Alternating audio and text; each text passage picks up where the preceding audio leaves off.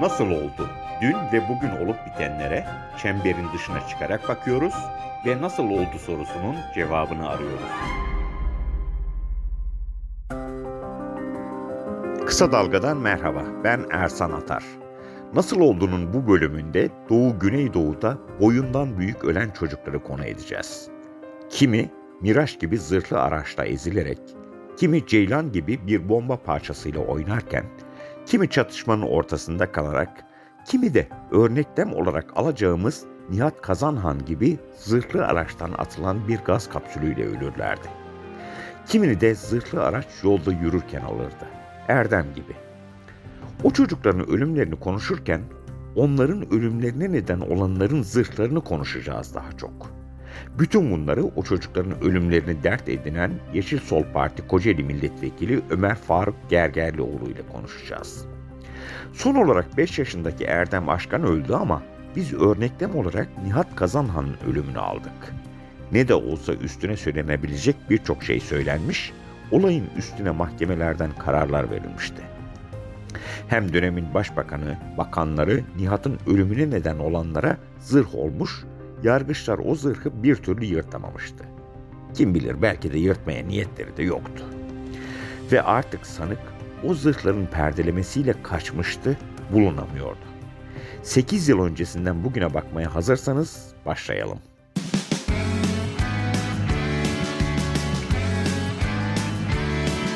Kulağınız bizde olsun. Kısa Dalga Podcast.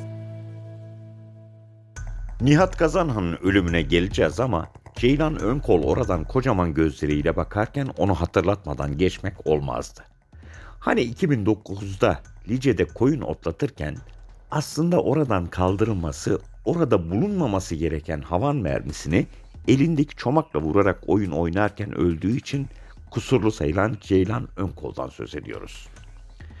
Nihat Kazanhan'ın ölümü sonrasında dönemin başbakanının olayı nasıl örtmeye çalıştığını anlatacağız ama gelin görün ki Efe Tektekin'in gülüşü bırakmıyor ki kendisini hatırlamayalım.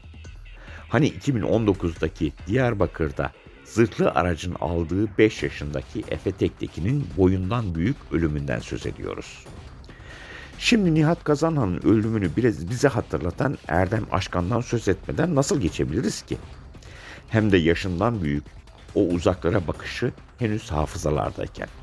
Evet daha geçen günlerde Hakkari'nin Yüksekova ilçesinde yolda annesi ve kardeşiyle yürürken zırhlı aracın altında kalan o bakışlardan söz ediyoruz. Elbette derdimiz sadece çocuk ölümlerini hatırlatmak değil, sorunun tespitini yapmak, sorunları ortaya koyabilmek. Gelin isterseniz o tespiti Yeşil Sol Parti Kocaeli Milletvekili Ömer Faruk Gergerlioğlu yapsın. Söz Gergerlioğlu'nda. Kürt sorunundan kaynaklı çatışmalar yıllardır ülkede yaşanıyor ve e, bu çatışmaların en büyük mağdurları çocuklar oluyor. Masum çocuklar oluyor. Çocuklar e, zırhlı araçların altında kalıyor. E, bombaların e, şarapnelleri e, kendilerine değmek suretiyle hayatlarını kaybediyor. E, veyahut da çatışmalarda arada kalıp hayatlarını kaybedebiliyorlar. E,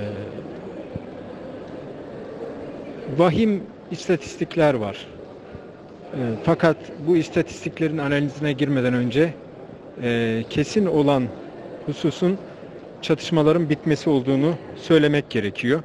E, bu gerçekleşmeden geçici tedbirlerle hiçbir yere varılamayacağını bilmemiz gerekiyor. Kürt meselesinin bitmesi, e, insan hakların e, eksenli bir meselenin e, silahla, tankla, ha, topla halledilemeyeceğinin bilinmesi gerekiyor.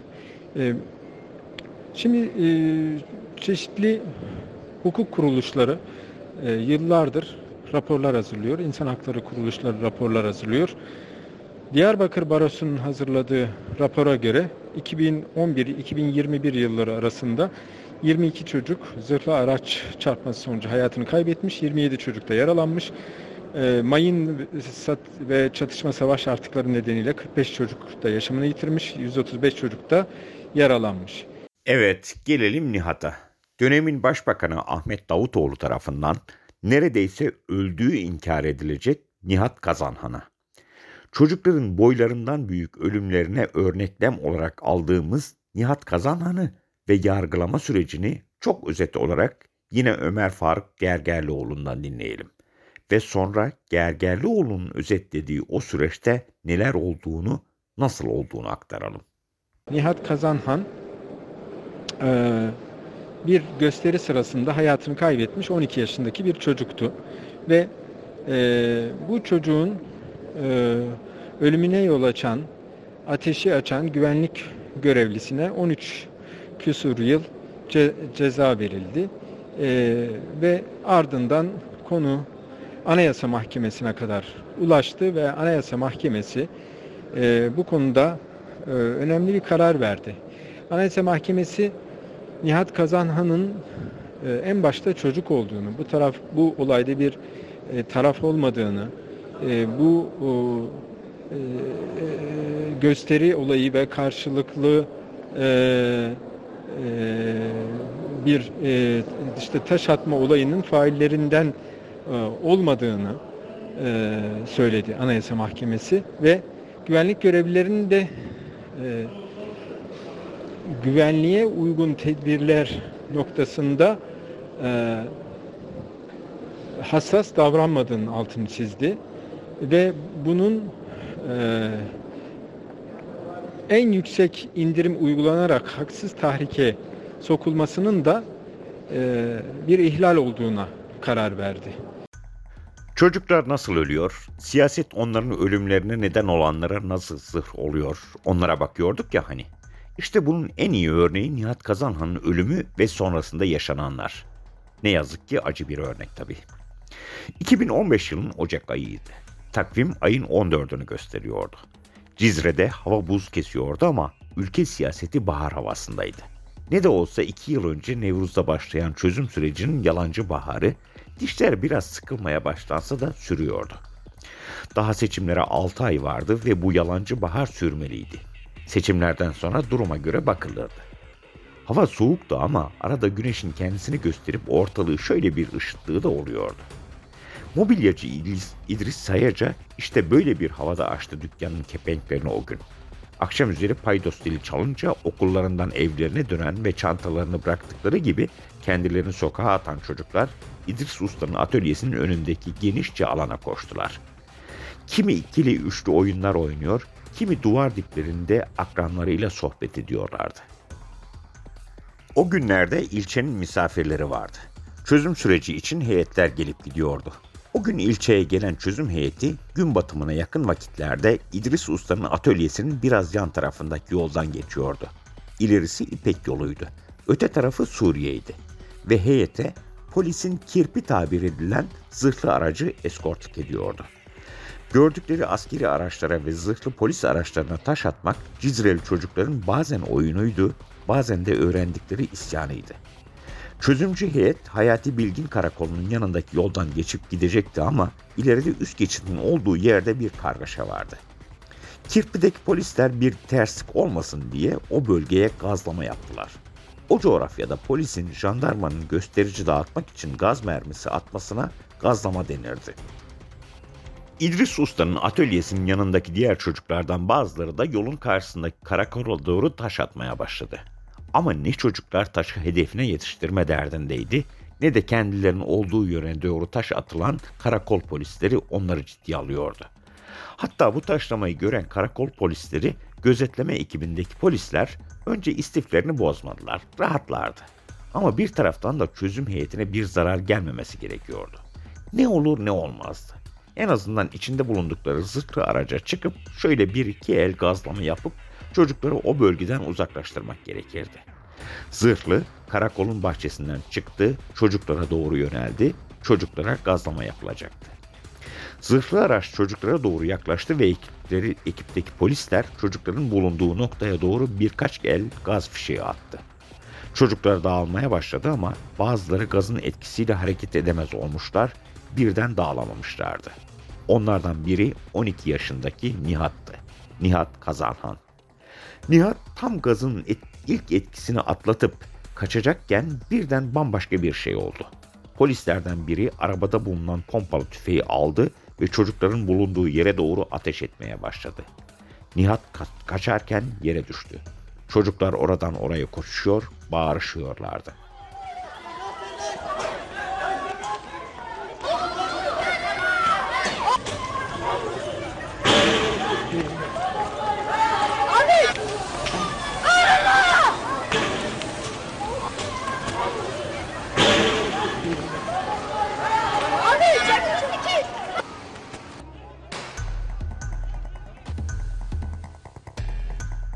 Az önce çocuklara hadi oradan taş öyle, öyle mi atılır diye dalga geçen polisler pompalı tüfekle ateş eden diğer özel harekatçı Mehmet Nurbaki Göçmez'e ne yaptın sen diye bağırıyordu. Nurbaki Göçmez gazlama yaparken birden polis aracına geri dönmüş, ekip arkadaşı Hayati Vural'a zimmetli olan pompalı tüfeği almış, başına kar maskesini takmış ve çocuklara doğru ateş etmişti. Nurbaki Göçmez bilirdi ki o silah çat kapı infazların kapı kıran etkili bir silahıydı. Mobilyacı İdris Usta olup bitenleri kepengini yarıya kadar indirdiği atölyesinden gözetliyordu. Nihat'ın yere düştüğünü görünce gazın içine daldı. Yerdeki çocuğu kucağına aldı ve hastaneye götürdü ama nafile. Nihat can vermişti. Polisler olup biteni 5-10 saniye araçtaki kameralardan izlediler. Çocuğun düştüğünü görünce hiçbir şey olmamış gibi usulca karakola güvenli alanlarına çekildiler. Bu çekilmenin gerekçesini sonra bizden bir sıkıntı çıkmasın diye karakola geri döndük diye açıklayacaklardı. Çekilirken Nurbaki Göçmez yine kar maskesiyle gitti. Az önce Nihat'ı öldürdüğü mermi kovanlarını topladı ama birini bulamamıştı. O mermi kovanı daha sonra bulunacak. Selahattin Demirtaş onu meclise getirip çocuklar işte bunlarla öldürülüyor diyecekti. Polislerin gözleri, kulakları karakoldan görün, görünen hastanedeydi. Hastane önünde coğrafyaya has bir öfkeyle kalabalık birikiyordu. Hastaneden haber geldi. Çocuk ölmüş. Karakolda görüntüler izlendi, görüntüler netti. Nurbaki Göçmez çocukların bulunduğu yöne doğru hedef gö- gözeterek ateş ediyordu. Bir yol bulunmalıydı. Polisler karakolda kalamazdı. Daha güvenlikli olan askeri taburlar saklanacaklardı. Ama silah ne olacaktı? Mühimmat ne olacaktı? Sonuçta kullanımı yasak olan bir silahın mühimmatında eksilme olmuştu. Neyse ki o kolaydı. Pompalı tüfek başka bir araçla önce tabura gönderildi. Yerine teslim edildi. Boş kovanlar da karakolun yakındaki bir yere gömüldü ve tutanak tutuldu. Silahla birlikte verilen mühimmat eksiksiz olarak teslim edilmiş, teslim alınmıştır. Peki o zaman Nihat hangi mermiyle ölmüştü? O da kolaydı. Basın devreye girecekti. Şöyle haberler yayılacaktı. 6-7 Ekim olayları sırasında Cizre'de av malzemesi satan dükkanlar halk tarafından yağmalanmıştı ve Nihat'ı öldüren pompalı ve kullanılan mermilerde bu yağmalanmada yağmalanan silah ve mühimmat olabilirdi. Birazdan siyasetin olayın faillerine nasıl zırh giydirdiklerini konuşacağız ama biraz nefes alalım.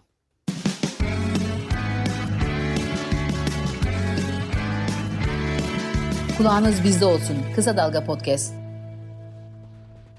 Kara haber tez duyulurdu. Haber Ankara'ya bile ulaşmıştı. O zamanlar daha bu tür konular başbakana, bakanlara sorulabilirdi. Daha o zaman gazeteciler sipariş soruların dışında da devlete soru yöneltebilirdi. Gazeteciler İçişleri Bakanı Efkan Ala'ya sordular. Böyle böyle iddialar var ne diyorsunuz? Efkan Ala deneyimli bir devlet adamıydı. Böylesine konularda hiç açık kapı bırakmamak gerekirdi. Ala'ya göre olay külliyen yalandı. Bunlar bizim çocuklarımız. Yani ve şu anda provokasyonun çok açık bir e, şekliyle karşı karşıyayız. Bugün ben hem valiyi hem oradaki yetkililer aradım. E, orada polis hiçbir biçimde bana verilen bilgi silah kullanmamıştır. Gaz kullanmamıştır bugün. Akşamüstü vefat etmiş. Yani yaralanmış hastaneye götürüldükten sonra vefat etti. Ve bir takım e, sitelerde polisin e, silahıyla ya da gazı e, bombasının parçasıyla e, vefat ettiği söyleniyor. Bu kesinlikle doğru değil. Herhangi bir polis müdahalesi silahla ya da gazla olmuş değil, olmamış. Polis, güvenlik güçleri gaz kullanmamış bugün. E, herhangi bir silah kullanmamış ama bir şekilde e, bu çocuğumuz orada vefat etmiş. Bu soruşturulacak tabii. Neden, kim yaptı, nasıl oldu? Ülkenin İçişleri Bakanı bu kadar netti ama olay bir de başbakana sorulmalıydı. Hem Nihat kimsenin umurunda değildi. Seçime kadar sürdürülmesi gereken çözüm süreci yalancı baharı zarar görüverir miydi maazallah? Başbakana bu sorulmalıydı ve ertesi gün soruldu. Olay hatırlatıp şöyle soru yöneltildi. Çözüm süreci sona mı eriyor? Başbakan Ahmet Davutoğlu kestirmeden girdi. Olay baştan yalanlanmalıydı. Hatta gazlama yapıldığı da inkar edilmeliydi. Cizre'de e, hayatını kaybeden e, çocukla ilgili e, açık bir ifade burada net olarak ifade etmek istiyorum. Bunun herhangi bir şekilde emniyet görevlilerimizin kurşunlarıyla öldürülmesi söz konusu değil. Orada ne e, fiili bir müdahale ne de gaz kullanımı söz konusu oldu. Bu konuda açıklamalar yapıldı. Araştırmalar da devam ediyor. Ama e, böyle bir iddia üzerinden, spekülasyon üzerinden Cizre'de tekrar gerginlik yaratmaya çalışanlar provokatörlerdir. Herkes rahatlamıştı. Olay devletin en yetkili ağzından inkar edilmişti. O gün orada polis silah kullanmamıştı. Hatta gaz bile kullanmamıştı.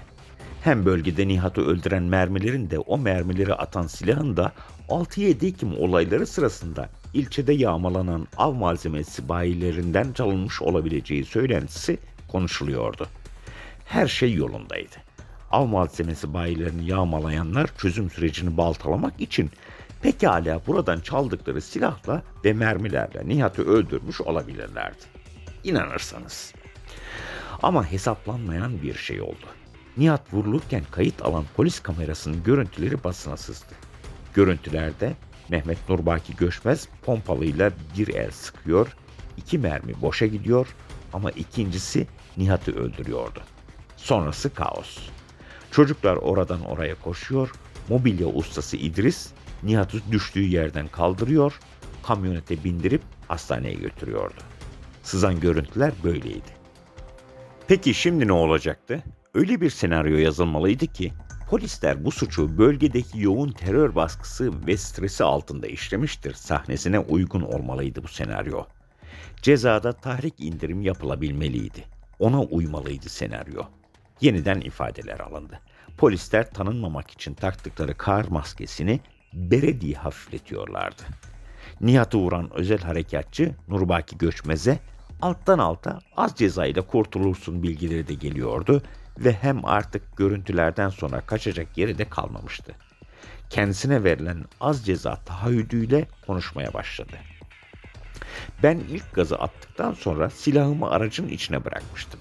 Tekrar gidip silahımı almak isterken işin aciliyetini düşünerek koltuğun arkasında bulunan içinde mühimmat olup olmadığını bilmediğim emniyeti kapalı olan av tüfeğini aldım. Çocukların olduğu yöne yan tarafına bir kez ateş yaptım. İstenilen amaca daha az gaz atılarak bu tüfekle ulaşılabileceğini düşündüm. İyi de görüntüler tek atışı değil 3-4 el atışı gösteriyordu. Hatta Nihat'ı düşüren ilk atış değil ikinci atıştı. Nurbaki Göçmez bu kez tek atış dediysem de olayın gelişi itibariyle birden fazla atış yapmış olabilirim diye ifade düzeltecekti. Nurbaki de çaresiz artık gerçekleri kabul etmeye başlamıştı. Mesela olaylardan sonra mermi kovanlarını olay yerinden toplayıp karakola götürdüğünü anlatıyordu. O coğrafyada silahlar ateşlenir, sonra mermilerin boş kovanları olay yerinden toplanırdı. Karakolda önce görüntüler izlendi. Herkes, polisler tedirgindi. Görüntüleri izleyen rütbelilere soruyorlardı polisler. Nasıl belli oluyor mu her şey? Görüntüleri izleyenler tam bir şey söylemiyorlar ama bundan bir şey çıkmaz diye polisleri sakinleştiriyorlardı. Hem rütbeliler ellerinden geleni yapıyorlardı. Üstler ve mülki amirler aranıyor, bir yol bulunmaya çalışılıyordu. Çare tükenmezdi. Hatta görüntüler bile yok ediliverirdi. Polis yüreklerine böyle su yapıyorlardı. Ama böyle öyle olmadı. Bu çareye başvurulamazdı. Ne de olsa o gün orada yaşananları polis kamerası dışında çekenler de vardı. Asıl şu mühimmat işini halletmek gerekiyordu. Tutanaklar tutuluyordu. Polislere verilen mühimmat eksiksiz olarak teslim edilmiştir diye tutanaklar. Tabur koğuşlarında üst üste toplantılar yapılıyor, sanıklara sonra yapılacak yargılamalardaki ifadeleri öğretiliyordu. Hatta sanıklar bunu sonra mahkemede itiraf edecekti. Aramızda hepimiz aynı doğrultuda ifade verelim diye kararlaştırmıştık. Nihat'ı öldüren mermilerin boş kovanları gömülmüştü, bulunamıyordu. Mermilerden biri hariç. O Ankara'ya gelmişti ve Selahattin Demirtaş o mermiyi partisinin meclis grubundaki toplantısında kürsüden göstererek şöyle seslenecekti. Hükümet sözcüsü ne diyor? Cizre'yi eşkıyalardan temizlemek lazım. Bu söze katılıyorum. AKP olarak sizin bizzat örgütlediğiniz eşkıyalardan Cizre halkı elbette kurtulacak. Cizre normale dönecek. Bundan emin olun. Bakın sizin eşkıyalarınızdan birinin attığı ve 12 yaşında bir çocuğu öldüren fişeklerden biri. Bunlardan binlerce atılıyor. Bu 12 yaşındaki bir çocuğun ensesinden girip alnına kadar gelerek beynini parçalayarak katletmiştir. Bu işin normale dönmesi için çabalıyoruz. Katkı sağlamak istiyorsanız el ele sizin eşkıyalarınızdan temizleyelim Cizre'yi. Sadece Cizre'yi mi? Tüm Türkiye'yi inşallah AKP eşkıyalarından temizleyeceğiz. Selahattin Demirtaş böyle sesleniyordu. Artık her şey ortadaydı. Görüntüler açıktı. Tanıklar her şeyi anlatıyordu. Sanıklar yüzlerindeki kar maskesine kadar olayı kısmen kabullenmişti. Mermiler Ankara'da meclis kürsüsünden gösteriliyordu. Peki şimdi ne olacaktı? Sanıklara ne ceza verilecekti? Cizre 1. Ağır Ceza Mahkemesi'nin koridorları, hakim odaları stresliydi. Ceza vermeden olmazdı. Nihat ölmüştü ve deliller sarihti. Ağır ceza heyeti o sihirli formülü devreye soktu. Nihat'ın ölümünden özel harekatçı Mehmet Nurbaki Göçmez sorumlu tutulacak. Diğer özel harekatçılarsa sadece bildiklerini anlatmamakla suçlanacaktı. Ama Nurbaki Göçmez'de de doğrudan insan öldürmekten ceza verilmemeliydi. Ceza olabildiğince indirilmeliydi. Öldürmede kasıt var mıydı? Vardı. Öyleyse özel harekat polisi ağırlaştırılmış müebbette mahkum edilmeliydi. Ama mahkeme bu dümdüz bir kasıt değil diyecekti. Olası kasıt diyecekti. Mahkemeye göre Mehmet Nurbaki Göçmez Nihat'ı başından vururken olursa olsun kastıyla, ölürse ölsün kastıyla hareket etmişti. Ağırlaştırılmış müebbet hapis müebbete dönüşü verdi ama bu da çoktu. Mahkemeye göre polisler yoğun stres altındaydılar. Öyle ya devlete göre örgüt çocukları öne sürüp ardından büyük eylemler yapabilirdi. Mahkeme çözüm süreci sırasındaki görüşme trafiğini de dikkate alıp karar verdi. Sanığın maktul ve dahil olduğu grubun bölge şartlarının da getirdiği haksız bir tahrik altında eylemini gerçekleştirdiği kanaatine varılmıştır. Özel harekatçı Mehmet Nurbaki Göçmez'in cezası birden 16 yıla düşüverdi. Ama bu da çoktu. Heyet kitabı biraz daha karıştırdı ve aranan o madde bulundu.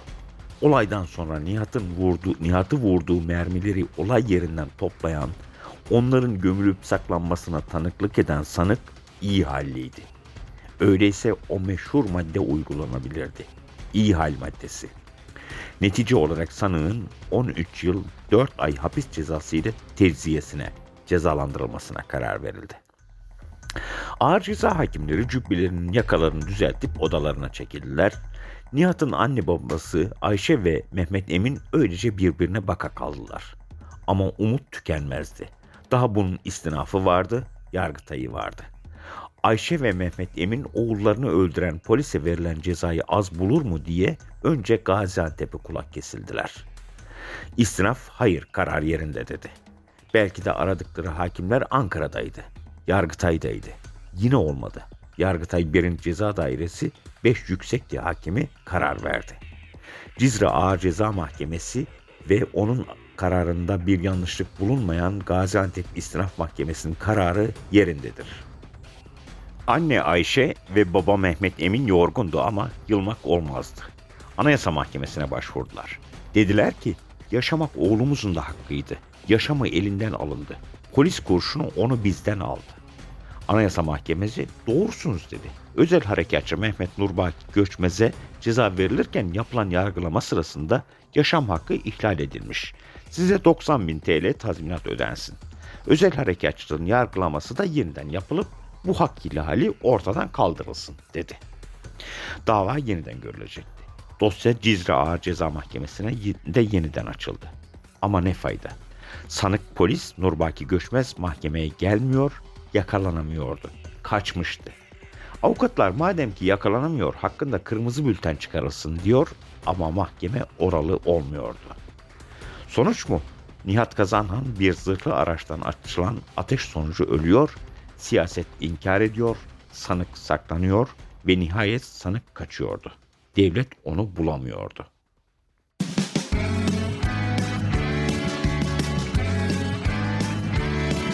Kulağınız bizde olsun. Kısa Dalga Podcast.